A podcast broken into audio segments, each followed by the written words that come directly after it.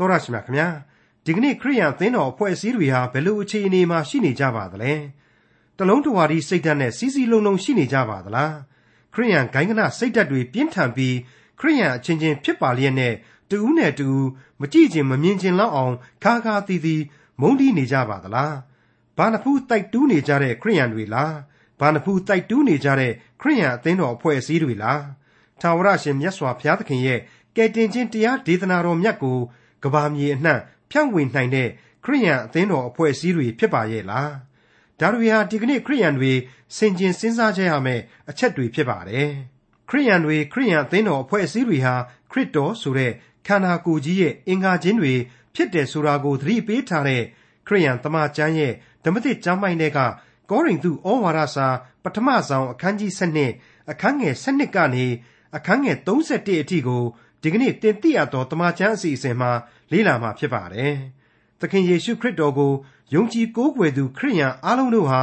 လောကရန်နဲ့စာရန်ကို အောင်မြင်အောင်တိုက်ခိုက်ဖို့သူ့နေရာနဲ့သူလူအပ်တဲ့ခွန်အားရှိနေကြသူတွေကြီးပဲဆိုတဲ့အကြောင်းကောရိန္သုဩဝါဒစာပထမဆုံးအခန်းကြီး7အခန်းငယ်7ကနေအခန်းငယ်31အထိကိုဒေါက်တာထွန်းမြတ်အေးကအခုလိုလေ့လာတင်ပြထားပါတယ်။မိတ်ဆွေတော်တတ်ရှင်အပေါင်းတို့ဒီကနေ့အဖို့မှာတော့ ခန္ဓာဘဝနှင့်ဝိညာဏဆိုပြီးတော့ကျွန်တော်အနေနဲ့ဆက်လက်တင်ပြသွားမှာဖြစ်ပါတယ်ဒီအပိုင်းခြားအတွက်ဆက်ရမယ့်ကျမ်းကတော့ကောရိန္သုဩဝါဒစာပထမစာဆောင်အခန်းကြီး7အငယ်7ပဲဖြစ်ပါတယ်စတင်နားဆင်ကြည့်ကြပါစို့ဥပမာကကိုတစ်ခု၌အင်္ဂါအများရှိသည်ဖြစ်၍ထိုအင်္ဂါတစ်ခုထိုတစ်ခုကြီးသောကိုအင်္ဂါအပေါင်းတို့သည်များလျက်နှင့်ကိုတစ်ခုကြီးဖြစ်တဲ့ကဲ့သို့ထိုနည်းတူခရစ်တော်ဖြစ်တော်မူ၏အခုအငယ်7ကဖော်ပြလိုက်တဲ့အချက်ဟာ နောက်ပိုင်းအငယ်20ကြပြန်တော့လေယခုတွင်အင်္ဂါအများရှိလျက်နှင့်ကိုတစ်ခုကြီးရှိ၏ဆိုပြီးတော့ဖော်ပြတဲ့အချက်နဲ့ဆက်ဆက်နေတာကိုတွေ့ရပါလိမ့်မယ်တခါအငယ်29ကိုရောက်လို့ရှိရင်သင်တို့သည်ခရစ်တော်၏ကိုဖြစ်ကြ၏အသီးသီးအင်္ဂါတော်ဖြစ်ကြ၏ဆိုတဲ့အချက်နဲ့လည်းရှင်းပြီးတော့မြင်ရမယ့်ကြံစကားပဲဖြစ်ပါတယ်ဒီတော့အသင်းတော်တစ်ခုဆိုတာဟာလူ10ယောက်ရှိရင်အစွန်းတတ္တိ10မျိုးရှိရလိမ့်မယ်လူ100ရှိရင်အစွန်းတတ္တိ100ပေါ့ထိုနည်းအတူတထောင်ဆိုရင်အစွန်းတတ္တိအမျိုးပေါင်းတထောင် တသောင်းဆိုရင်အစွန်းတတ္တိတသောင်းနဲ့ပြည့်စုံနေပြီးတော့အဲ့ဒီအသင်းတော်ဆိုတာဟာတကယ်တော့ခရစ်တော်ရဲ့ကိုယ်ခန္ဓာကြီးလိုပဲခရစ်တော်ရဲ့ဘုန်းတော်ကိုတူပြိုင်ထင်ရှားစေရမယ်ဆိုတာကိုကျွန်တော်တို့ကိုရှင်ပေါလုသွန်သင်ပေးလိုက်ပါတယ်ကျွန်တော်ကနေဆေးရုံကလေးတရုံမှာတနေ့တော့သွားအလွန်ကြိုက်တဲ့လူနာတယောက်ကိုတွေ့ရကုရဘူးပါတယ်သူ့ရဲ့ကြိုက်ခဲခြင်းဟာ acute pain လို့ခေါ်တဲ့ကြောက်ခမန်းလိလိကြိုက်ခဲခြင်းမျိုးဖြစ်ပါတယ်သူ့ခမရမှာဘယ်လို့မှအငြိမ်မနေနိုင်ရှာပါဘူး မျက်ရည်တက်တောက်ကျပြီးတော့နေရန်ကိုလက်သီးနဲ့ထိုးလိုက်စပွဲကိုလက်သီးနဲ့ထိုးလိုက်ခြေထောက်နဲ့မြေကြီးကိုဆောင်းလိုက်ဖြစ်နေပါတယ်ဒါနဲ့ပဲအလွန်ပြင်းထန်တဲ့အနာသက်သာတဲ့ဆေးကိုထိုးပြီးတဲ့နောက်မှာဆေးရုံကိုတင်ပြီးမှကုသပေးခဲ့ရဘူးပါတယ်ဒီအချက်ဟာခန္ဓာကိုယ်အစိတ်အပိုင်းတစ်ခုကနေပြီးတော့တကိုယ်လုံးကိုဒုက္ခပေးလာတဲ့သဘောပါပဲဒီအတိုင်းပါပဲနားဖြစ်ရင်လည်းဒီတိုင်းပါပဲမျက်စိဖြစ်ရင်လည်းဒီတိုင်းပါပဲနှာခေါင်းဖြစ်ရင်လည်းဒီအတိုင်းပါပဲအဲ့ဒီလိုပါပဲလုပ်ငန်းခွင်ထိခိုက်မှုဥပဒေအရဆိုရင်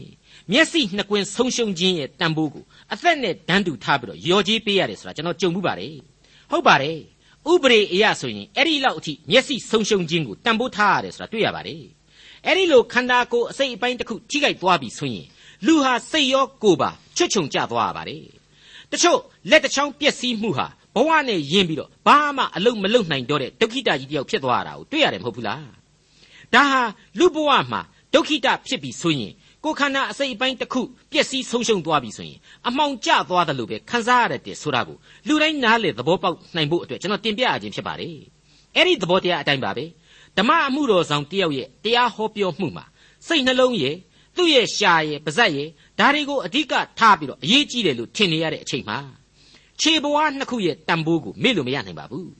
အဲ့ဒီခြေဘဝကလေးတွေဟာဒီဆရာတော်ကိုစင်မြင့်ပေါ်မှာမတ်တက်ရက်ဖို့ထောက်ကူပေးထားရတယ်ဆိုတာကို ကျွန်တော်တို့အသိအမှတ်ပြုကိုပြုရမှာမဟုတ်ဘူးလားဒါကြောင့်မလို့ကျွန်တော်တို့ရဲ့ယုံကြည်သူအသင်းတော်တွေမှာတခါတည်းမြင်သာထင်သာမရှိတဲ့အသင်းတော်သူအသင်းတော်သားတွေကိုအထင်သေးလို့မရပါဘူးတချို့ဟာနှုတ်ဆအာဇမရှိလေတော့ပလင်ပေါ်ကိုမတက်နိုင်ပါဘူးကြွာရမဆိုနိုင်ပါဘူး Sunday School ဆရာဆရာမလည်းလုပ်မပေးနိုင်ပါဘူးဒါပေမဲ့သူတို့ရဲ့ချက်ပြုတ်တဲ့နေရာမှာကူညီမှုအလှငွေထဲ့ဝင်မှုတွေတန်ရှင်းရေးပြုလုပ်မှုတွေအပြင်သူတို့ရဲ့အသင်းတော်အတွက်အသေးစိတ်ဆန်တဲ့လုပ်ငန်းတွေကိုဆောင်ရွက်ပေးမှုတွေသူတို့ပါဝင်ပြီးတော့ အသင်းတော်အတွက်သတိရဆူတောင်းပေးနေခြင်းတွေဟာအသင်းတော်ကိုခိုင်ခံ့အားကောင်းအောင်ပြုစုပေးနေခြင်းပဲဖြစ်တယ်ဆိုတာကိုကျွန်တော်တို့သတိပြုကြရပါလိမ့်မယ်တနည်းအားဖြင့်တော့လူအသီးအသီးတို့ကိုမတူညီသောခွန်အားများဘုရားသခင်ပေးထားတယ်သူ့နေရာနဲ့သူအသုံးပြုတယ်ဘုရားသခင်အသုံးမပြုဘူးဆိုတာတော့မရှိဘူးဆိုတာကိုမှတ်ထားဖို့ပါပဲကောရိန္သုဩဝါဒစာပထမစာဆောင်အခန်းကြီး7အငယ်73 အကြောင်းမူကားယုဒလူဖြစ်စေဟေလသလူဖြစ်စေ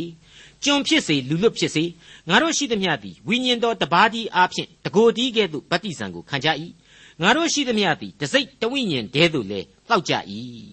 ဒီတော့အခုလိုအသင်းတော်ဒီဟုသောခရစ်တော်ဤကိုခန္ဓာမှာကျွန်တော်တို့တွေဟာဘာကြောင့်တလုံးတဝဒီဖြစ်နေရသလဲ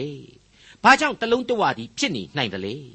ဖျားသခင်ဟာတပါးဒီရှိတယ်လို့တန်ရှင်းသောဝိညာဉ်တော်ဟာတပါးဒီရှိလို့ပဲဆိုတာကို ကျွန်တော်တို့ပြီးခဲ့တဲ့သင်ခန်းစာမှာတွေ့ကြရပြီးပြီဟုတ်ပါတယ်ကျွန်တော်ရဲ့ယုံကြည်ခြင်းအားဖြင့်ဘဝသစ်ကိုပြောင်းလဲခြင်းမှာတန်ရှင်းသောဝိညာဉ်တော်ဟာအဓိကကြပါတယ်ကျွန်တော်ကိုးကွယ်ယုံကြည်သောဘုရားသခင်ဟာတဆူတည်းလည်းဖြစ်ပါတယ်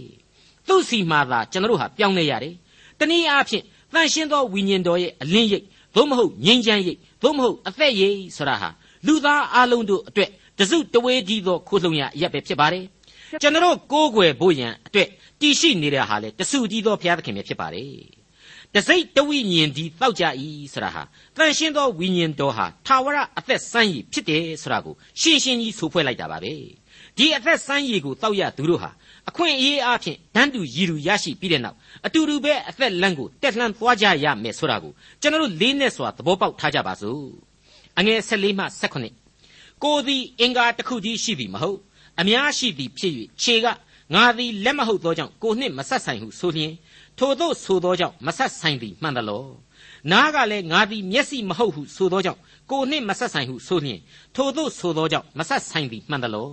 တကိုယ်လုံးသည်မျက်စိဖြစ်လျင်အဘယ်သို့ကြားနိုင်မည်နည်းတကိုယ်လုံးသည်နားဖြစ်လျင်အဘယ်သို့နမ်းနိုင်မည်နည်းယခုမူကားဘုရားသခင်သည်အလိုတော်ရှိသည့်အတိုင်းအင်္ဂါအများအသီးအသီးတို့ကိုကို၌စီရင်ခံထားတော်မူ၏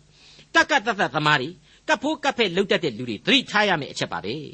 ကျွန်တော်တို့ဟာအစဉ်အမြဲဝိညာဉ်တော်ရဲ့အရေးမှခိုနားရပြီးတော့ဘုရားသခင်ရဲ့စေလိုရာစေဆိုတဲ့ဘဝမျိုးတွေသာဖြစ်ပါတယ်ဘသူဘသူမှနှိမ်နေစရာမရှိသလိုကိုကိုကိုလက်မထောင်မာနထားတဲ့အမျိုးအစားတွေလည်းမဟုတ်ပါဘူး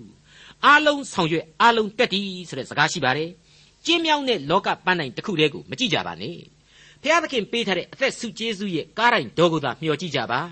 အဲ့ဒီကားတိုင်တော်ဘော်ကဂယုနာတော်ရောင်ချီဟာ ကျွန်တော်အတွက်အစဉ်ဖြာကြနေပါလေပြီးတော့ကိုယ့်အလုပ်ကိုကိုပိုင်ပိုင်နိုင်နိုင်လုပ်ပေးကြပါကိုနဲ့မဆိုင်တာတွေကြတော့လေအယံဝင်ပြီးမရှုပ်ကြပါနဲ့ကျွန်တော်ရဲ့အမှုတော်ဆောင်ရန်တရားကြီးပျက်စီးသွားတတ်တယ်အားပြော့သွားတတ်တယ်ဆိုတာကိုအထူးသတိပြုကြပါလိမ့်မယ်။ကောရိန္သုဩဝါဒစာပထမစာဆောင်အခန်းကြီး7အငယ်7ယခုမူကားဖျားသခင်သည်အလိုတော်ရှိသည့်အတိုင်းအင်္ဂါများအသီးသီးတို့ကိုကို၌စီရင်ခံထားတော်မူ၏။စောစောတုန်းကဖတ်တုန်းကလည်းဒီ78ပါသွားပါတယ်။ အခုတကြောပြန်ကြားရခြင်းပေါ့။ဖျားသခင်အလိုတော်ရှိတဲ့အတိုင်းအင်္ဂါအသီးသီးတို့ဟာစီရင်ခံထားခြင်းဖြစ်တယ်တဲ့။ဖျားသခင်ကနေသာကောင်းကြီးတွေစပြီးဆင်းသက်တယ်။သူနှစ်သက်တယ်လို့သူဝေငှတယ်။သူကြိုက်တယ်လို့လည်းအသုံးပြုတော်မူတယ်လူတ attva ဆိုတာဟာဒါကိုဘာမှဇောရကတက်နေစရာမလိုပဲနဲ့အလိုတော်နဲ့အညီလိုက်နာရှောက်လှမ်းယုံပဲရှိပါတယ်ဒီနေရာမှာတမန်တော်ဝတ္ထုအခန်းကြီး9ထဲကအာနနိနဲ့ရှဖိတွေတို့ဇနီးမောင်နှံအကြောင်းကိုကျွန်တော်ကသွားပြီးစဉ်းစားမိပါတယ်သူတို့တွေဟာဒနအင်အားတောင်းတင်းနေ အသင်းတော်ကိုလည်းအဲ့ဒီရုပ်ပိုင်းဆိုင်ရာအကူအညီများကိုပေးစွန်းနိုင်သူတွေဖြစ်ခဲ့ကြပါတယ်ဒါပေမဲ့အမှုတော်ကိုဂရိပေးပြီးမှသစ္စာမစောင့်နိုင်ခဲ့ကြရှာဘူးအဲ့ဒါနဲ့ပဲအဲ့ဒီလောက်အထိအသင်းတော်တီကားစအကဲဆက်တဲ့အချိန်ကာလမှာသေပြစ်သင့်သွားကြရတယ်ဆိုတာကိုကျွန်တော်တို့မျက်လုံးပြူးမျက်စံပြူးတွေ့ကြရခြင်းပဲဖြစ်ပါတယ်နောက်တစ်ခါဒေါကာဆိုတဲ့အချုပ်တဲ့အမျိုးသမီးကြတော့တမျိုးသူ့ရဲ့အတတ်ပညာနဲ့သူဟာအသင်းတော်ရဲ့ရှုထောင့်တနေရာမှာသူ့ရဲ့တာဝန်ကိုကြည်ပြွန်စွာထမ်းဆောင်ခဲ့တယ်ဆင်းရဲတဲ့မုတ်ဆိုးမတွေ အမျိုးသမီးတွေဟာသူ့ကိုသိအားကိုးရတဲ့လက္ခဏာကိုနှုတ်ကပတ်တော်အရာကျွန်တော်တို့တွေ့ရပါတယ်ဒါကြောင့်လဲသူဟာသေပြီးကာမှတခါသူ့အတွက်အသက်ပြန်ပြီးသွေးသွင်းပေးတာကိုခံရတယ်အသုံးပြုခြင်းကိုပြန်လည်ခံယူရခဲ့တယ်ဆိုတာကိုကျွန်တော်တို့တွေ့ကြရပြီဖြစ်ပါတယ်။တနည်းအားဖြင့်တော့ဘုရားသခင်ပေးထားတဲ့လူစွန်းလူစားဆိုတာဟာအသုံးချတန်ဖိုးနဲ့ပြည့်စုံဖို့အထူးပဲလိုတယ်ဆိုတဲ့အချက်ပါပဲ။သစ္စာမဖောက်ရဘူးဆိုတဲ့သင်ခန်းစာလည်းအလေးအနက်ပါဝင်နေပါတယ်။ဒါရင်မကသေးပါဘူး။ နောက်ထပ်သင်ခန်းစာတွေကိုတမဟောင်းကျမ်းတွေမှာကျွန်တော်တို့လက်တွေ့ကြားနာခဲ့ကြပြီဖြစ်ပါတယ်။ဘယင်ကြီးတွေကိုယ်တိုင်မှားခဲ့တဲ့အကြောင်းတွေပေါ့။ကိုကဘယင်ဘယင်ရဲ့အလုပ်ကိုမလုပ်ဘူး။ယစ်ပရောဟိတ်တွေကိုအတင်းဖယ်ပြီးဝင်းရှုပ်တယ်အဲ့ဒီမှာအပြစ်သိမ်းရတယ်အဲ့ဒီလိုပဲလေကိုကအမြဲစစ်တပ်ကြီးကိုဥဆောင်နေအဲ့ဒီခေတ်ကာလတုန်းကစစ်ရသည်အချိန်မှာကိုကဥဆောင်သင့်ပါရဲ့နဲ့ယွာဘကိုပဲလွှတ်လိုက်ပြီးတော့ယေရုရှလင်မြို့ကြီးမှာပဲအစီအပြားကလေးစားပြီးတော့စိတ်ကူးတွေယင်နေခဲ့တဲ့ဒါဝိ အလွန်ကြီးမားတဲ့လူမှုရေးသစ္စာဖောက်မှုကြီးဖြစ်ပြီးတော့အဲ့ဒီအပြစ်ဒဏ်ကိုတစ်သက်လုံးပေးဆက်သွားခဲ့ရတယ်ဆိုတာကိုကျွန်တော်တို့တွေ့ခဲ့ကြပြီဖြစ်ပါတယ်ကျွန်တော်လည်းဒီသင်ခန်းစာကိုဖော်ပြခဲ့ပြီးဖြစ်ပါတယ်ကောရိန္သုဩဝါဒစာပထမစာဆောင်အခန်းကြီး7အငယ်16မှ25ထိုမှတပါအင်္ဂါအပေါင်းတို့သည်အင်္ဂါတစ်ခုတည်းဖြစ်လျင်ကိုယ်သည်အဘယ်မှရှိလိမ့်မည်နည်းယခုတွင်အင်္ဂါအများရှိလျက်နှင့်ကိုယ်တစ်ခုတည်းရှိ၏မျက်စိကသင့်ကိုငါအလိုမရှိဟုလက်ကိုမဆိုရ ထိုနည်းတူဥကောင်းကသင်တို့ကိုငါအလိုမရှိဟုခြေတို့ကိုမဆိုရထိုမြမကအားနှဲဟန်ရှိသောအင်္ဂါတို့သည်သာ၍အသုံးဝင်ကြ၏အသရေနှဲဟန်ရှိသောအင်္ဂါတို့အားလည်းသာ၍ကြီးသောအသရေကိုပေးတတ်၏တင့်တယ်ခြင်းမရှိသောအင်္ဂါတို့သည်သာ၍ကြီးသောတင့်တယ်ခြင်းကိုခံရကြ၏တင့်တယ်လျက်ရှိသောအင်္ဂါတို့သည်အခြားသောတင့်တယ်ခြင်းကိုမလိုကြကိုယ်ခန္ဓာ၌အချင်းချင်းကွဲပြားခြင်းမရှိဘဲအင်္ဂါများတို့သည်အချင်းချင်းသူ့ကိုကိုနှင့်အမျှသတိပြုစေခြင်းဟာ ဖျားသခင်သည်ကိုယ်ခန္ဓာကိုမျှစေ၍ရုပ်သောအင်္ဂါအားသာ၍များသောအသရေကိုပေးတော်မူ၏ကျွန်တော်တခါကပြောခဲ့ဘူးတဲ့အတိုင်းပါပဲဝိညာဉ်အသက်တာကြီးပွားရာဆိုတဲ့အသင်းတော်ကြီးတစ်ခုကဆောင်ပုတ်ဟာခေါင်းထဲကိုဝင်လာပါတယ်ကိုဟာအသင်းတော်ရဲ့အားနေတဲ့အစိတ်အပိုင်းလို့ကိုကိုကိုထင်ရင်အားသာအောင်လေ့ကျင့်ပြုစုကြရမယ်စ조사အားထုတ်ကြရမယ်ဆိုပါတော့ပမာဆောင်ရရင်တော့လူငယ်ကလေးတွေအားကစားလေ့ကျင့်ကြတာကိုခန္ဓာဖွံ့ဖြိုးတိုးတက်အောင်လေ့ကျင့်ကြတာ ਨੇ အတူတူပါပဲ ကောင်းကျိုးကိုတိုးတက်စေဖို့လှုပ်ဆောင်သွားကြရမှာဖြစ်ပါတယ်တခါအဲ့ဒီလိုကိုယ့်ရဲ့ကြီးထွားလာတဲ့ခွန်အားကြတော့အလွဲသုံးပြန်တယ်ဆိုရင်လေအချီနှီးပဲလို့ဆိုရပြန်ပါတော့မယ်ဗလာကြီးတွေဘလောက်ကောင်းကောင်းဟန်ရေးဝါရေးပြပြီးတော့ကြွားနေဖို့ဆိုရင်လေဘာမှအကျိုးမရှိနိုင်ဘူးလေဒီကနေ့အသင်းတော်များများနဲ့ပတ်သက်ပြီးတော့ကျွန်တော်သုံးသပ်လိုက်ရင်လေဒီအဖြစ်ဟာရှင်းရှင်းကြီးပေါ်လာမှာပါအဆိုတော်ကောင်းတွေရှိတယ်အ ਨੇ အချင်းလောက်အားထုတ်လိုက်ယုံနဲ့ဘုရားသခင်အတွက်တိုင်းပြည်အတွက်ဘုန်းတော်ကိုထင်ရှားစေနိုင်လောက်တယ် ဒါပေမဲ့ဝိညာဉ်အသက်တာကြီးပွားရာဆောင်ဖို့နဲ့မညီဘူးလောကီကိစ္စဒီဘက်ပဲအာယုံစိုက်တယ်အဲ့ဒီအခါကျတော့ကောင်းကြီးမင်္ဂလာများကိုခန်းစားရတတ်သလောက်မခန်းစားရတော့ဘဲနဲ့အစွန်းသက်တိတွေဟာအဟောတိကံဖြစ်ကုန်ကြရပါတယ်တခါအားသာတဲ့အပိုင်းမှာကြီးပဲအလွန်အကျွံအားပေးတယ်ကြံတဲ့အပိုင်းကျတော့နှိမ်နေဆိုတာမျိုးလည်းမဖြစ်ရပြန်ပါဘူးဒါတွေကိုလည်းကျွန်တော်ကအသင်းတော်တွေမှာတွေ့နေရလို့ပြောတာပါ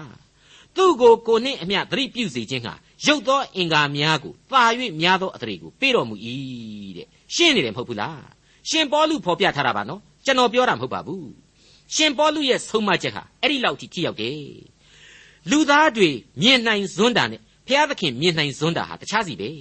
အဆင့်ဟာမိုးနဲ့မြေတက်တောင်မှပို့ပြီးတော့ကွာလှမ်းနေတယ်ဆိုတာကိုကျွန်တော်အထက်ထပ်ပြောခဲ့ပူပါတယ်ဒီတော့အသင်းတော်အဖွဲ့အစည်းတစ်ခုမှာကိုကထိတ်ပိုင်းကနေရာကိုရတယ်ဆိုပြီးတော့ ကြံတဲ့လူတွေကိုများလူအချင်းချင်းတွားပြီးတော့ရောင်ပြီးတော့မနှိမ်နဲ့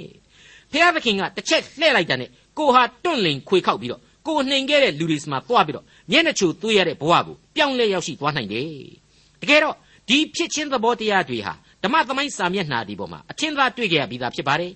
အဲ့ဒီမှန်ကန်သောသစ္စာတရားတွေကိုသာဖျားသခင်ဟာပေါလုကနေသင်ပြန်ပြီးကျွန်တော်တို့ကိုသတိပေးနေခြင်းဖြစ်ပါတယ်ဓမ္မဆရာကြီးတယောက်ကပြောမှုပါတယ် သူဟာငငယ်ကလေးကအင်မတန်ဆိုးသွမ်းခဲ့တဲ့လူတယောက်တဲ့ဒါပေမဲ့အဲ့ဒီဆိုးသွမ်းမှုဆိုတာကိုပဲသူကအုပ်ကြီးမှတ်ပြီးတော့ငါလူဆိုးဆိုတာကိုပဲသူ့ဟာသူဂုံယူနေခဲ့တယ်ဆိုပါလားနောက်ပိုင်းမှာကျတော့သူ့ကြောင့်နှိပ်စက်ညှင်းဆဲခြင်းခံခဲ့ရတဲ့လူတယောက်စီကခွင့်လွှတ်မှုကိုအံ့ဩဖွယ်ခံယူရရှိပြီးတဲ့နောက်မှာသူ့စိတ်ဟာအံ့ဩဖွယ်ကောင်းလောက်အောင်နူးညံ့သိမ်မွေ့ခြင်းဆိုတာကိုစတင်ခံစားလာရတယ်အဲ့ဒီနောက်မှာတော့အသင်းတော်ရိတ်ကိုရောင်ပေရောင်ပေနဲ့သူရောက်သွားပြီးတော့မှ ဆုတောင်းတောင်မှဘယ်လိုဆုတောင်းခဲ့ရမှန်းသူမသိခဲ့သေးဘူး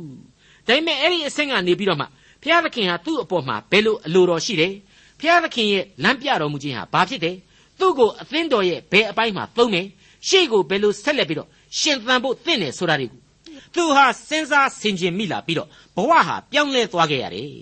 ဒီတော့သူကအဲ့ဒီလိုဘုရားသခင်နဲ့ပတ်သက်ပြီးတော့အနုလုံပြိလုံဆုတောင်းပြီးတော့ဆင်ခြင်စဉ်းစားရခြင်းတဲ့ ကောင်းမွန်တဲ့ဘဝအရသာဆိုတာဟာမရှိတော့ပါလားဆိုတဲ့အသည့်တရားသစ်တွေဝင်လာခဲ့ရတယ်ဆိုပြီးတော့ကျွန်တော်ကိုတက်သိခန္ဓာကိုကျွန်တော်ကြားခဲ့ပူပါတယ်မှန်ပါတယ်ဝိညာဉ်တော်အရေးကိုပြန်လာသူတိုင်းဟာဝိညာဉ်တော်ရဲ့လမ်းပြခြင်းကိုခံယူကြရမယ်အလိုတော်ကိုလည်းဝန်ခံကြရမယ်ပြီးတော့အလိုတော်နဲ့ညီသောလမ်းကိုလည်းရဲရဲဝံ့ရွေးချယ်လျှောက်ဆန်းကြရလိမ့်မယ်အဲ့ဒါဟာအသက်တာအဖို့အကောင်းဆုံးသောကျင့်စဉ်ပဲဖြစ်တယ်လို့ကျွန်တော်ကတော့အခိုင်အမာယူဆမိပါတယ် ကောရိန္သုဩဝါဒစာပထမစာဆောင်အခန်းကြီး7အငယ်26တို့ဖြစ်၍အင်္ဂါတစ်ခုတည်းဆင်းရဲခြင်းကိုခံရလျင်အင်္ဂါအပေါင်းတို့သည်အတူခံရကြ၏အင်္ဂါတစ်ခုသည်ချီးမြှောက်ခြင်းကိုခံရလျင်အင်္ဂါအပေါင်းတို့သည်အတူဝမ်းမြောက်ရကြ၏အဲ့ဒါဟာခရစ်တော်ရဲ့တလုံးတဝသည်ရှိအပ်သောခရိယန်အဖွဲ့အစည်းတို့ရဲ့သဘောတရားပါပဲကယ်တင်ခြင်းတရားကိုခံယူပြီးတော့အသက်လမ်းကိုအတူလျှောက်သွားကြတယ်ခကားတိုင်းတော်ကိုမျှော်လင့်ချီတက်နေကြတယ်တယောက်ချင်းတယောက်ချင်းချစ်ရမယ်လက်တွဲမြဲမြံကြရမယ် ပြီးတော့မှခရစ်တော်နဲ့အတူရှောက်သွားကြရလိမ့်မယ်လောကမှာဆိုရင်စာရမဏေရဲ့တိုက်ခိုက်မှုနဲ့လောကရန်ဒီအမျိုးအမျိုးကိုလူသားတိုင်းဟာရင်ဆိုင်ရစမြဲပါတူးနဲ့တူးကျွန်တော်တို့ကအဲ့ဒီအချိန်မှာမဆိုင်တယ်လို့နေလို့မရဘူးအခုရှင်ပေါလုဆုံးမထားပြီလေဘုရားသခင်ရဲ့အလိုတော်ဘာလဲဆိုတာကျွန်တော်တို့တွေ့ရပြီခရစ်တော်အားဖြင့်တူးကိုတူးအားပေးကြရမယ်လမ်းပြဆောင်ထင်းကြရမယ်အကြံကောင်းညံကောင်းပေးရမယ်ဆုတောင်းပေးကြရလိမ့်မယ်အခုကျွန်တော်တို့အသင်းအဖွဲ့တွေဟာဘယ်လိုအခြေအနေမှာရှိနေကြပါသလဲ တလုံးတဝရီသောစိတ်ဓာတ်လားဂိုင်းကနစိတ်ဓာတ်လားဘာနဖူးတိုက်တူးတဲ့အဖွဲ့တွေလားအဖရဲ့ကဲတင်ချင်းအမွေကိုကဘာမြေအနှံ့ဖြန့်ဝေနိုင်တဲ့အဖွဲ့တွေလားဒါတွေဟာဒီကနေ့ဆင်ခြင်နှလုံးသွင်းရမယ့်အချက်တွေဖြစ်ပါတယ်ကျွန်တော်ခန်းစားရတဲ့ရွေကိုပြောရမယ်ဆိုရင်တော့အင်မတန်နီးစပ်ပါတယ်ဆိုတဲ့ဂိုင်းကနတွေဟာတောင်းမှမေတ္တာနဲ့ခိုင်မြဲစွာလက်တွဲဖို့အထူးလိုအပ်နေသေးသလိုဂိုင်းကနတစ်ခုတည်းမှာဘယ်လျင်လဲထပြီးတော့ကွဲကြပြဲကြဖြစ်နေတာတွေဟာရင်နာစရာအလွန်ကောင်းလှပါတယ်စိတ်မကောင်းစရာတွေပေါ့ ဘယ်လိုပဲအကြောင်းတွေပြနေပြီအခုရှင်ပေါလုကတော့အခိုင်အမာပြောနေပါတယ်အင်္ဂါတစ်ခုတည်းဆင်းရဲခြင်းခံရလျင်အင်္ဂါအပေါင်းတို့သည်အတူခံရကြ၏တဲ့မရှင်းဘူးလားအင်္ဂါတစ်ခုသည်ချီးမြှောက်ခြင်းကိုခံရလျင်အင်္ဂါအပေါင်းတို့သည်အတူဝမ်းမြောက်ရကြ၏တဲ့မပြတ်သားလွန်ဘူးလားတနည်းအားဖြင့်ခရစ်တော်ရဲ့မေတ္တာတော်ရိပ်မှာခိုးလှုံတယ်လို့တော့ပြောကြတယ်ပြီးတော့ယံဒီဖြစ်နေကြတယ်အဲ့ဒါဆိုရင်ဒီမေတ္တာတော်ရိပ်ဟာနောက်ထပ်ဝင်ရမယ့်လူတွေကို ကြိုးစိုးနိုင်မဲ့အစားရှီရင်ဆွဲလူတွေကိုတောင်မှမနဲ့အကာအကွယ်ပြုရတဲ့အဆင့်ကိုရောက်သွားလိမ့်မယ်လို့ကျွန်တော်ဆိုချင်ပါတယ်။ဘာဖြစ်လို့လဲဆိုရင်အသင်းတော်ရဲ့ခရစ်တော်ရဲ့မေတ္တာတော်လုပ်ငန်းကိုလူသားတွေကသာဆောင်ကျဉ်ရမယ်ဆိုတာဟာရှေးကာလကတည်းကဘုရားသခင်ကိုတော်တိုင်စိတ်ခိုင်းလမ်းပြခဲ့ပြီးဖြစ်ပါတယ်။အတိတ်ကာလတုန်းကယေရုရှလင်ဗိမာန်တော်ကိုကဘာဟာဥတိုက်ပြီးတော့လာရောက်ဝတ်ပြုကြရပါတယ်။အခုအချိန်မှဆိုရင်ခရစ်တော်ရဲ့အင်္ဂါရပ်များဖြစ်တဲ့လူသားတွေဟာခရစ်တော်ရဲ့ခန္ဓာကိုယ်နဲ့တူတဲ့အသင်းတော်များမှနေပြီးတော့ ကမ္ဘာလောကကြီးတဲ့သို့မေတ္တာကိုသယ်ဆောင်သွားရမယ်အလှည့်ရောက်နေပါပြီအငယ်29နဲ့28သင်တို့သည်ခရစ်တော်ဤကိုဖြစ်ကြ၏အသီးအသီးအင်္ဂါဖြစ်ကြ၏ဘုရားသခင်သည်ပထမအရာ၌တမန်တော်တို့ကို၎င်းဒုတိယအရာ၌ပရောဖက်တို့ကို၎င်းတတိယအရာ၌ဆရာတို့ကို၎င်းထို့နောက်တကိုးပြသောသူတို့ကို၎င်းထို့နောက်အနာရောဂါကိုငြိမ့်စေနိုင်သောအခွင့်ရှိသောသူတို့ကို၎င်းသင်းတောက်တို့ကို၎င်းစီရင်အုပ်ဆိုးသောသူတို့ကို၎င်း အမျိုးမျိုးသောဘာသာစကားကိုပြောနိုင်သောသူတို့ကို၎င်းအသင်းတော်၌ခံထားတော်မူ၏အခုဆိုရင်ရှင်းခဲ့ပြီးသားအရာတွေဟာပို့ပြီးတော့ပြတ်သားရှင်းလင်းသွားပါတယ်အသင်းတော်တစ်ခုမှာတမန်တော်တွေပရောဖက်တွေဆရာတွေတကိုးရှင်တွေဆေးသမားတွေသင်းတောက်တွေအုပ်ချုပ်သူတွေဘာသာပြန်တွေစသဖြင့်ခံထားတယ်တဲ့အဲ့ဒါအခုခေတ်နဲ့တရသေးသွားပြီးမညှိရပါဘူးအခုခေတ်ကျတော့အမှုတော်ဆောင်သင်းအုပ်ဆရာအသင်းတော်ကောင်စီအသင်းတော်ယုံအဖွဲ့တန်ဆုံအဖွဲ့စသဖြင့်ကိုဆိုလိုတာပါ အဲ့ဒီထဲမှာမှဓမ္မပညာသင်ကြားပေးရတဲ့ဥပု္ပ္ပစာပြေကျောင်းအဖွဲ့တွေပါမယ်ကျမ်းမာရေးလူမှုရေးကိုကူညီပေးရတဲ့တက်ကျွန်းသူပညာရှင်တွေလည်းပါမှာပေါ့အကုန်လုံးဟာဘုရားသခင်ရဲ့ခံထားတော်မူခြင်းသာဖြစ်ပါတယ်အကုန်လုံးဟာအသင်းတော်ကိုအာမခံထားကြရပါတယ်အသင်းတော်ဟာခရစ်တော်ကိုယ်တိုင်ဖြစ်ပါတယ်တနည်းအားဖြင့်တော့အသင်းတော်ဆိုတာတခြားမဟုတ်ဘူးခရစ်တော်ဒီဟုသောပင်မခန္ဓာကိုယ်ကြီးစီးမှာယုံကြည်သူတို့ပေါင်းစုပြီးတလုံးတဝတည်းတည်နေရအစုအဝေးကြီးပဲဖြစ်ပါတယ်မိษွေအပေါင်းတို့ခမညာ ဓမ္မတိချင်းစာအုပ်ထဲကအလင်းတောင်ဤကမ်းပါရန်၌ခရိယန်စစ်သည်တော်များစခန်းချလျက်တက်ဆွဲနေပါတောင်အောက်ရန်သူများကိုလင်းရောင်ရှိချိန်တိုက်ပါယုံကြည်ခြင်းသည်အောင်မြင်ခြင်းသည်ဆိုတဲ့တခြင်းကိုကြားရတိုင်းခရစ်တော်၌ယုံကြည်သူအလုံးတို့ဟာလောကရန်နဲ့စာရန်ကိုအောင်မြင်အောင်တိုက်ခိုက်ဖို့သူ့နေရာနဲ့သူလိုအပ်တဲ့ခွန်အားကြီးသောစစ်သူရဲကောင်းတွေပဲဖြစ်တယ်ဆိုတာပေါ်လာတယ်။ဒါကိုကွင်းကွင်းကွက်ကွက်ကျွန်တော်တို့မြင်အောင်ထားကြရမှာဖြစ်ပါတယ်။အဲ့ဒီအတိုင်းပါပဲ အပြစ်လောကဂျိုင်တဲကလူသားတွေရဲ့ဝိညာဉ်တွေကိုကယ်ဖို့ဆိုတဲ့နေရာမှာလေကယ်တင်ခြင်းတတ်သားတွေအဖြစ်ခရစ်တော်၌တလုံးတဝတည်းရှိကြရမယ်ဆိုတာကိုအောက်မေ့တွေးတောမိเสียကောင်းပါတယ်ဒါပေမဲ့ဒီကနေ့လက်တွေ့အခြေအနေမှာကျွန်တော်ယုံကြည်သူတွေဟာအဲ့ဒီလိုတလုံးတဝတည်းမဖြစ်ကြဘူးမညီညွတ်ကြဘူးစာရမဏတ်ကိုလက်တွဲညီညာစွာတိုက်ခိုက်ဖို့အရေးတဲ့ကိုယ့်ဖာသာကိုညီညွတ်ဖို့ဆိုတာတောင်မှအတော်ကြီးကိုကုံယုံစူးစမ်းနေကြရတယ်ဆိုတာကိုကျွန်တော်တွေးမိပါတယ်အမှန်တော့ ခရစ်တော်၌အသစ်သောမွေးဖွားခြင်းကိုခံယူသူ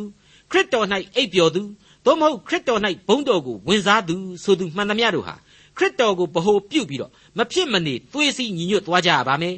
ခရစ်တော်၌အရှင်းခြားနာခြင်းမရှိဘူးဆိုတဲ့အသိနဲ့ခရစ်တော်စီမှာတည်မီပြီးတဲ့နောက်အမှုတော်ကိုညီညာဖျဖျဆောင်ရွက်ကြိုးပမ်းကြရပါလိမ့်မယ်အခုဆိုရင်ကောရိန္သုအသင်းတော်ဟာဇာတိပဂရိအသွေးအသားဆွဲဆောင်မှုတည်းရဲ့ဒဏ်ကိုအကြီးအကျယ်ခံစားနေကြရပါတယ် တနွယ်ငင်းရင်ဒဇင်ပါဆိုသလိုအသင်းတော်ရဲ့စီလုံးညီညွတ်မှုဟာလေချိနဲ့အားပြော့နေတယ်ဆိုတဲ့လက္ခဏာတွေကိုဒဒီဩဝါဒစာအဖြစ်ကျွန်တော်အကဲဖြတ်လို့ရပါတယ်ရိပ်မိသိရှိလောက်ပါတယ်အဲ့ဒီတော့ခရိယန်တွေရဲ့လက်နှစ်စုံလို့ဆိုတဲ့သစ္စာဒီဟုသောကပန်းဖြောင့်မတ်ခြင်းပါရမီဒီဟုသောရင်အုပ်တစားငြိမ်သက်ခြင်းနှင့်ရှင်သောဧဝံဂေလိတရားကိုဟောပြောရန်ပြင်ဆင်ရတဲ့ခြေစွပ်ယုံကြည်ခြင်းဒီဟုသောလွှာကဲတင်ခြင်းဒီဟုသောတန်ခမောက် နှုတ်ကပတ်တော်ဒီဟုသောဝိညာဉ်တော်ဤဓာစတဲ့လက်နဲ့စုံတွေကိုကျွန်တော်ဟာခရစ်တော်ရဲ့ခန္ဓာကိုယ်အစိတ်အပိုင်းများအသီးသီးမှာတတ်ဆင်ရမယ်ဒီအစိတ်အပိုင်းအသီးသီးဟာလေယေရှုခရစ်ကိုယူတင်ဝတ်ဆောင်သူများအားလုံးရဲ့တူညီသောလက်နဲ့စုံများတာဖြစ်တဲ့အကြောင်းကျွန်တော်လေးနဲ့စွာခံယူသဘောပေါက်ကြပါစို့ကောရိန္သုဩဝါဒစာပထမစာဆောင်အခန်းကြီး7အငယ်29နဲ့30သင်းဝင်သူရှိသမျှတို့သည်တမန်တော်ဖြစ်ကြသလောရှိသမျှတို့သည်ပရောဖက်ဖြစ်ကြသလော ရှိသမျှတို့သည်ဆရာဖြစ်ကြသလောရှိသမျှတို့သည်တကိုးကိုပြနိုင်ကြသလောရှိသမျှတို့သည်အမျိုးမျိုးသောဘာသာစကားကိုပြောနိုင်ကြသလောရှိသမျှတို့သည်ထိုဘာသာစကား၏အ내ကိုဖော်ပြနိုင်ကြသလောအလွန်တရာအရေးကြီးတဲ့မေကွန်းတွေပဲလို့ကျွန်တော်ခံယူပါတယ်ပြီးနောက်မှာတော့အဖြေတွေဟာတသန်တဲပဲထွက်ရမှာအမှန်လို့လည်းကျွန်တော်ဆိုချင်ပါတယ်တမန်တော်ကြီးရှင်ပေါလုကိုယ်တိုင်ဟာအစပိုင်းမှာဖော်ပြခဲ့ပြီးပါပြီအခန်းကြီး3အငယ်6မှာတော့သူဆိုခဲ့တာကတော့ငါဟာစိုက်ပျိုးသောသူဖြစ်၏ အာပေါလုသည်ရေလောင်းသောသူဖြစ်၏အပင်ကိုကြီးပွားစေသောသူကဘုရားသခင်ပေတည်းတဲ့ပြီးတော့အခန်းကြီး2အငယ်3မှာတော့ဆိုရင်သင်တို့နှင့်အတူငါရှိနေသောအခါအာနေခြင်းအလွန်ကြောက်ရွံ့တုန်လှုပ်ခြင်းနှင့်တကွငါရှိနေ၏ဆိုတဲ့အချက်ပါတနည်းအားဖြင့်နှုတ်ကပတ်တော်ကိုအရှိအရှိအတိုင်းပြောနိုင်တာကလွဲလို့တတ္တိသိမ့်မရှိရှာဘူးတဲ့သူ့ကိုယ်သူဝန်ခံခဲ့တယ်ဟုတ်ပါတယ်တမန်တော်အချင်းချင်းတဲမှာတောက်မှ အရေးအချင်းတွေကွာခြားနေသေးတယ်ဆိုတာကိုရှင်ပေါလုဒီနေရာမှာရှင်းရှင်းပြောလိုက်တယ်အတူတူပဲပေါ့အသင်းတော်တစ်ခုလုံးအတိုင်းအတာနဲ့ဆိုရင်တော့အထူးပြောနေစရာလိုတော့မယ်မထင်တော့အောင်အရေးအချင်းတွေဟာတယောက်နဲ့တယောက်မတူနိုင်ပါဘူးကွာခြားနေကြမှာအမှန်ပါပဲဒါကြောင့်လဲအသင်းတော်တစ်ခုလုံးမှာအကုန်လုံးသင်းဥစရာတွေကြီးမဖြစ်နိုင်ပါဘူးအကုန်လုံးလဲတန်ဆုံတည်ခြင်းတွေကြီးမဖြစ်နိုင်ပါဘူးဒူးနေရဒူးတော်နေရတော်ဆိုသလိုပေါ့အပိုင်းလိုက်အပိုင်းလိုက်ခြားနာခြင်းတွေရှိကိုရှိကြမှာဖြစ်ပါတယ်ဗမာစကားမှာရှိပါတယ် ဆရာများရင်သားသေးတဲ့အဲ့တော့အသင်းတော်တစ်ခုလုံးဆရာတွေကြီးဖြစ်ကုန်ရင်ခက်ကုန်ပြီပေါ့ဆရာတွေမများဘဲနဲ့တောက်မှကျွန်တော်တို့မှာကို့အတွေးခေါ်နဲ့ကို့အယူဆတွေနဲ့အလုံးရှုပ်နေကြရတယ်မဟုတ်ဘူးလားကျွန်တော်ဟာအခုကျွန်တော်စာရေးနေတဲ့ဗရင်ပေါက်ကနေပြီးတော့ပြင်ပလောကကြီးကိုကြည့်ပြီးတော့ကျေးဇူးတော်ကိုအထက်ထက်ချီးမွမ်းမိပါတယ်ဥယျင်မြေပေါ်မှာဆိုရင်အလွန်အရေးကောင်းတဲ့ဗရောက်ပင်ကြီးတစ်ပင်ဟာမိုးထိုးပြီးတော့ညှို့မိုင်းနေပါတယ်သူ့အောက်မှာတော့ရွက်လှနဲ့ပိန်ပန်းတွေဟာအပွင့်အမျိုးမျိုးပေါက်နေတာကိုတွေ့ရပါတယ် နေရိပ်လွတ်တဲ့နေရာအချို့မှာကျတော့မာလကာတို့ဩဇာတို့သင်္ဘောပင်တို့အစရှိတဲ့သီးစားပင်အချို့ကိုတွေ့ရပြီးတဲ့နောက်အဲ့ဒီလိုမတူညီတဲ့အလှတရားသဘာဝတရားအသီးသီးအားဖြင့်ဥယျင်ရဲ့လို့ဆိုနိုင်တဲ့မြင်ကွင်းကျယ်ကိုမြင်ရပါတယ်အဲ့ဒီအခါမှာတော့တကောအနန္တရှင်ကြွလာမဟာဘယင်ဆိုတဲ့ဓမ္မသချင်းတဲကတေးသချင်းတဲကစီရင်တော်မူချက်သည်နည်းနည်းလှပေ၏ဆိုတဲ့အချက်ရဲ့အတိတ်ပဲကိုကျွန်တော်ပို့ပြီးတော့သဘောပေါက်နားလေခန်းစားလာရပါတယ် မတူညီတဲ့ယာတိဥတုတွေရေမြေတောတောင်တဘာဝတွေဟာဖျားသခင်ရဲ့ဘုန်းတော်ကိုတူပြိုင်ချီးမွမ်းနေကြပါတယ်မတူညီသောအရေးအချင်းများနဲ့ပြည့်စုံတဲ့လူသားတို့စုဝေးရအသင်းတော်အပေါင်းတို့ဟာလေဘုရားသခင်ရဲ့မေတ္တာအလင်းတရားကိုကဘာတလွှားသို့ထင်ရှားစေရမှာအေကံအမှန်ပဲဖြစ်ပါတယ်။ကောရိန္သုဩဝါဒစာပထမစာဆောင်အခန်းကြီး7အငယ်31သင်တို့သည်အမျက်ဆုံးသောဆုကျေးဇူးတော်တို့ကိုအလွန်အလိုရှိကြသည်တွင်သာ၍မြတ်သောလမ်းကိုငါပြအောင်မည် မတူညီသောကျေးဇူးတော်နဲ့မတူညီသောအရေးအချင်းတွေကိုလူအသီးသီးတို့ကိုဝေမျှပေးသနာခဲ့တယ်လို့ဆိုခဲ့ပါတယ်နော်ဟောအခုအဲ့ဒီလိုစုကျေးဇူးတော်တွေဆိုတာဟာမူသေးကိန်းနဲ့သတ်မှတ်ထားခြင်းမရှိဘူးဆိုတာထပ်ဆင့်ပေါ်လာပါပြီဒီတော့တန်ရှင်းသောဝိညာဉ်တော်ဆိုတာဟာကွန်ပျူတာမှာထည့်ပြီးတော့တယောက်ကို30သားနှုန်းပေးလိုက်ဆိုတာမျိုးလုပ်လို့ရကောင်းတဲ့အရာမဟုတ်ဘူးဆိုတာဟာရှင်းရှင်းကြီးပေါ်လွင်နေပါတယ်ရုပ်တတိနဲ့အပြည့်ရှိတာတွေကိုလက်ညှိုးထိုးပြီးတော့တခုချင်းအိတ်ထဲထည့်လို့ရတာမျိုးမဟုတ်မှန်းလည်းရှင်းနေပါပြီ ဖျားသခင်ဟာအစအဦး၌တည်ခဲ့တယ်လို့ခရစ်တော်ဟာအစအဦး၌တည်ခဲ့တယ်ဖျားသခင်နဲ့ခရစ်တော်ကယ်တင်ရှင်ဆိုတာဟာဗျာဒိတ်တော်တို့ရဲ့အချုပ်အခြာအာဏာကိုပိုင်တဲ့နှုတ်ကပတ်တော်လည်းဖြစ်တဲ့အတွက်နှုတ်ကပတ်တော်ဆိုတာဟာလေပုံနှိပ်စာလုံးတွေရဲ့စာအုပ်ကိုကိုစားပြုတ်ထားတဲ့အသက်ရှိသောဘုရားသခင်သာဖြစ်ပါတယ်အဲ့ဒီလိုပဲအသက်ရှိသောတရားလည်းဖြစ်ပါတယ်အဲ့ဒီနှုတ်ကပတ်တော်သမာတရားဟာဘုရားသခင်ရဲ့ဝိညာဉ်အလင်းကိုလူသားတို့အတွက်လင်းရှင်းစေပါတယ်ဒီအလင်းတရားအဖြစ်ဘုရားကိုသိရတယ် တရားကိုသိရတယ်အသက်တာရဲ့အရေးအကြီးဆုံးလိုအပ်ချက်ဖြစ်တဲ့အသက်တရားဘဝတပါးကိုထာဝရအသက်တည်ရှိရာဘဝတပါးကိုပို့ဆောင်ဖို့ရန်အတွက်ဖျားသခင်နဲ့သခင်ခရစ်တော်တို့ရဲ့တန်ရှင်းသောဝိညာဉ်တော်ဟာဖြင့်ကျွန်တော်အနာမှာအစဉ်လှုပ်ရှားလို့တည်ရှိနေပါတယ်ကျွန်တော်တို့တူးစီကိုမတူညီသောကောင်းကြီးများအမျိုးမျိုးနဲ့ရစ်ပတ်ထားတာအမှန်ဖြစ်တယ်လို့အဲ့ဒီကောင်းကြီးတွေကြားထဲမှာမှအတိုင်းအဆမရှိတဲ့နောက်ထပ်ဆုတွေရှိသေးတယ်ဆိုတာကိုကျွန်တော်တို့သိလာရယုံမကအလိုရှိကြပါသလားလို့ တမန်တော်ကြီးရှင်ပေါလုကျွန်တော်တို့ကိုမေကွန်းထုတ်လျက်ရှိနေပါတယ်အလိုရှိမယ်ဆိုရင်ရနိုင်တယ်ဆိုတဲ့အချက်ကိုလေသူဟာမိမောင်းထိုးပြထားနေပါတယ်အဖြေအဖြစ်ရှေ့သင်ငန်းစားတွေမှာဆက်လက်တွေ့လာရအောင်မှအမှန်ပါပဲဟုတ်ပါတယ်သင်တို့သည်အမျက်ဆုံးသောဆုကျေးဇူးတော်ကိုအလွန်အလိုရှိကြသည်ဆိုပါလျင်သာ၍မြတ်သောလမ်းဟာငါပြအောင်မည်ဆိုတာကိုခရစ်တော်ရဲ့တန်ရှင်းသောဝိညာဉ်တော်အားဖြင့်ရှင်ပေါလုအခိုင်အမာကြေညာလိုက်ခြင်းဖြစ်ပါတယ် ကောရိန္သုအသင်းတော်ဆိုတဲ့စတင်တိဆောက်ကြတဲ့ကအသွေးအသားရမက်များနဲ့ဆွဲဆောင်မှုများအမျိုးမျိုးကြားမှာတန်တရားလဲနေရတဲ့အရှုပ်တော်ပုံအသင်းတော်ကြီးအတွက်ဒီကြေညာချက်ဟာသစ္စာစကားဖြစ်တယ်လို့ဒီကနေ့ကျွန်တော်တို့ယုံကြည်သူများအားလုံးအတွက်လည်းထာဝစဉ်မယိမ့်ရိုင်တဲ့ကပီးကြောက်စာတိုင်တဲ့ဖွဲ့တည်ရှိနေတဲ့ကြေညာချက်ပဲဖြစ်ပါတယ်လူသားတို့ဤချီယာလန်ဆိုပြီးတော့ကျွန်တော်အမည်ပေးခဲ့တဲ့ Pilgrim's Progress ကိုရေးသားခဲ့တဲ့ကဘာကျော်စာရေးဆရာကြီး John Bunyan ဆိုတဲ့ပုဂ္ဂိုလ်ကြီးဟာစိုးသွမ်းမိုက်မဲခဲ့တဲ့အမှောင်လန်းကနေပြီးတော့မှဖျားသခင်တီရှိရာအရက်ကိုမြတ်သောစိတ်နဲ့ဖူးတွေ့မြင်ခဲ့ရသလိုသိပ္ပံပညာရှင်ကြီး Michael Faraday ဆိုတာဟာသူသေးရမယ့်အချိန်မှာသူအလွန်ကျွမ်းကျင်တဲ့သိပ္ပံပညာနဲ့ဘယ်လို့မှတွက်ဆပြီးတော့အဖြေမထုတ်နိုင်တဲ့ကောင်းကင်နိုင်ငံတော်ကိုမြင်တွေ့ဖူးမြော်သွားခဲ့ရပါတယ်အဲ့ဒီလိုပါပဲအသက်20တဲ့မကြီးရင်လောက်သေးသူတထေဖန်ဆိုတဲ့လူငယ်ကလေးတယောက်ဟာဖြင့် သူ့ရဲ့ခန္ဓာကိုယ်ပေါ်မှာအစုလိုက်အပြုံလိုက်ကျလာနေတဲ့ဂဲလုံးကြီးတွေသူ့ကိုအသေးစိုးနဲ့သေတာကိုဝိုင်းပြီးတော့အရသာခံကြည့်နေတဲ့မိဝင်းဝင်းတောက်နေတဲ့မျက်လုံးတွေကိုကြော်ပြီးတော့သူ့ကိုစောင့်မျှော်နေသူကဲတင်ရှင်ကိုဝမ်းသာအားရမြင်တွေ့ရပြီးတဲ့နောက်ကျွန်တော်ရဲ့ဝိညာဉ်ကိုသိမ့်ပါတော့သခင်လို့ကြွေးကြော်သွားခဲ့တာကိုကျွန်တော်တို့နားနဲ့ဆက်ဆက်ကြားခဲ့ရပြီဖြစ်ပါတယ်အခုဆုံးမဩဝါဒစာကိုရေးနေတဲ့ရှင်ပေါလုဟာအဲ့ဒီအချိန်မှာရှောလူဆိုတဲ့ခရစ်တော်ဆန့်ကျင်ရေးသမား လူသက်ကောင်ကြီးအဖြစ်နဲ့သာဘဝအမှောင်တွင်းမှာရှိနေခဲ့တဲ့အချိန်ပေါ့တထေဖန်ရဲ့ဒီကြွေးကြော်သံဟာသူ့ရဲ့ရင်ထဲမှာဘာကြီးပဲပြော့နေနေရိုက်ခတ်ခဲ့မှာတော့အမှန်ပဲလို့ကျွန်တော်တွေးပါတယ်အပြစ်လောကသားဖြစ်ရတဲ့ကျွန်တော်တို့ဘဝမှာကယ်တင်ရှင်ရဲ့ကိုအင်္ဂါအစိတ်အပိုင်းများအဖြစ်မရေမတွက်နိုင်တဲ့စုကျေးဇူးများဟာရှိနေပြီဖြစ်ပါတယ်ကယ်တင်ရှင်ဟာသူဖန်ဆင်းခဲ့တဲ့အပြစ်လူသားတို့အတွက်သူ့ရဲ့သာဝရအသက်နဲ့တွယ်ဆက်ပေးထားခြင်းဟာကျွန်တော်ရဲ့ဝိညာဏဘဝကိုအနန္တကာလအတွက် သူနဲ့မကွာရှိနေဖို့ရန်သတ်မှတ်ထားတဲ့အတွက်သာဖြစ်တဲ့အကြောင်းရှင်းနေပါတယ်ခင်ဗျာဒေါက်တာထွန်းမြတ်ရေးစီစဉ်တင်ဆက်တဲ့တင်ပြတော်တမချန်းအစီအစဉ်ဖြစ်ပါတယ်နောက်တစ်ချိန်အစီအစဉ်မှာခရိယန်တမချန်းဓမ္မတိကျမ်းပိုင်းတွေကကောရိန္သုဩဝါဒစာပထမဆုံးအခန်းကြီး73အခန်းငယ်1ကနေအခန်းငယ်6အထိကိုလေ့လာမှာဖြစ်တဲ့အတွက်စောင့်မျှော်နားဆင်နိုင်ပါတယ်။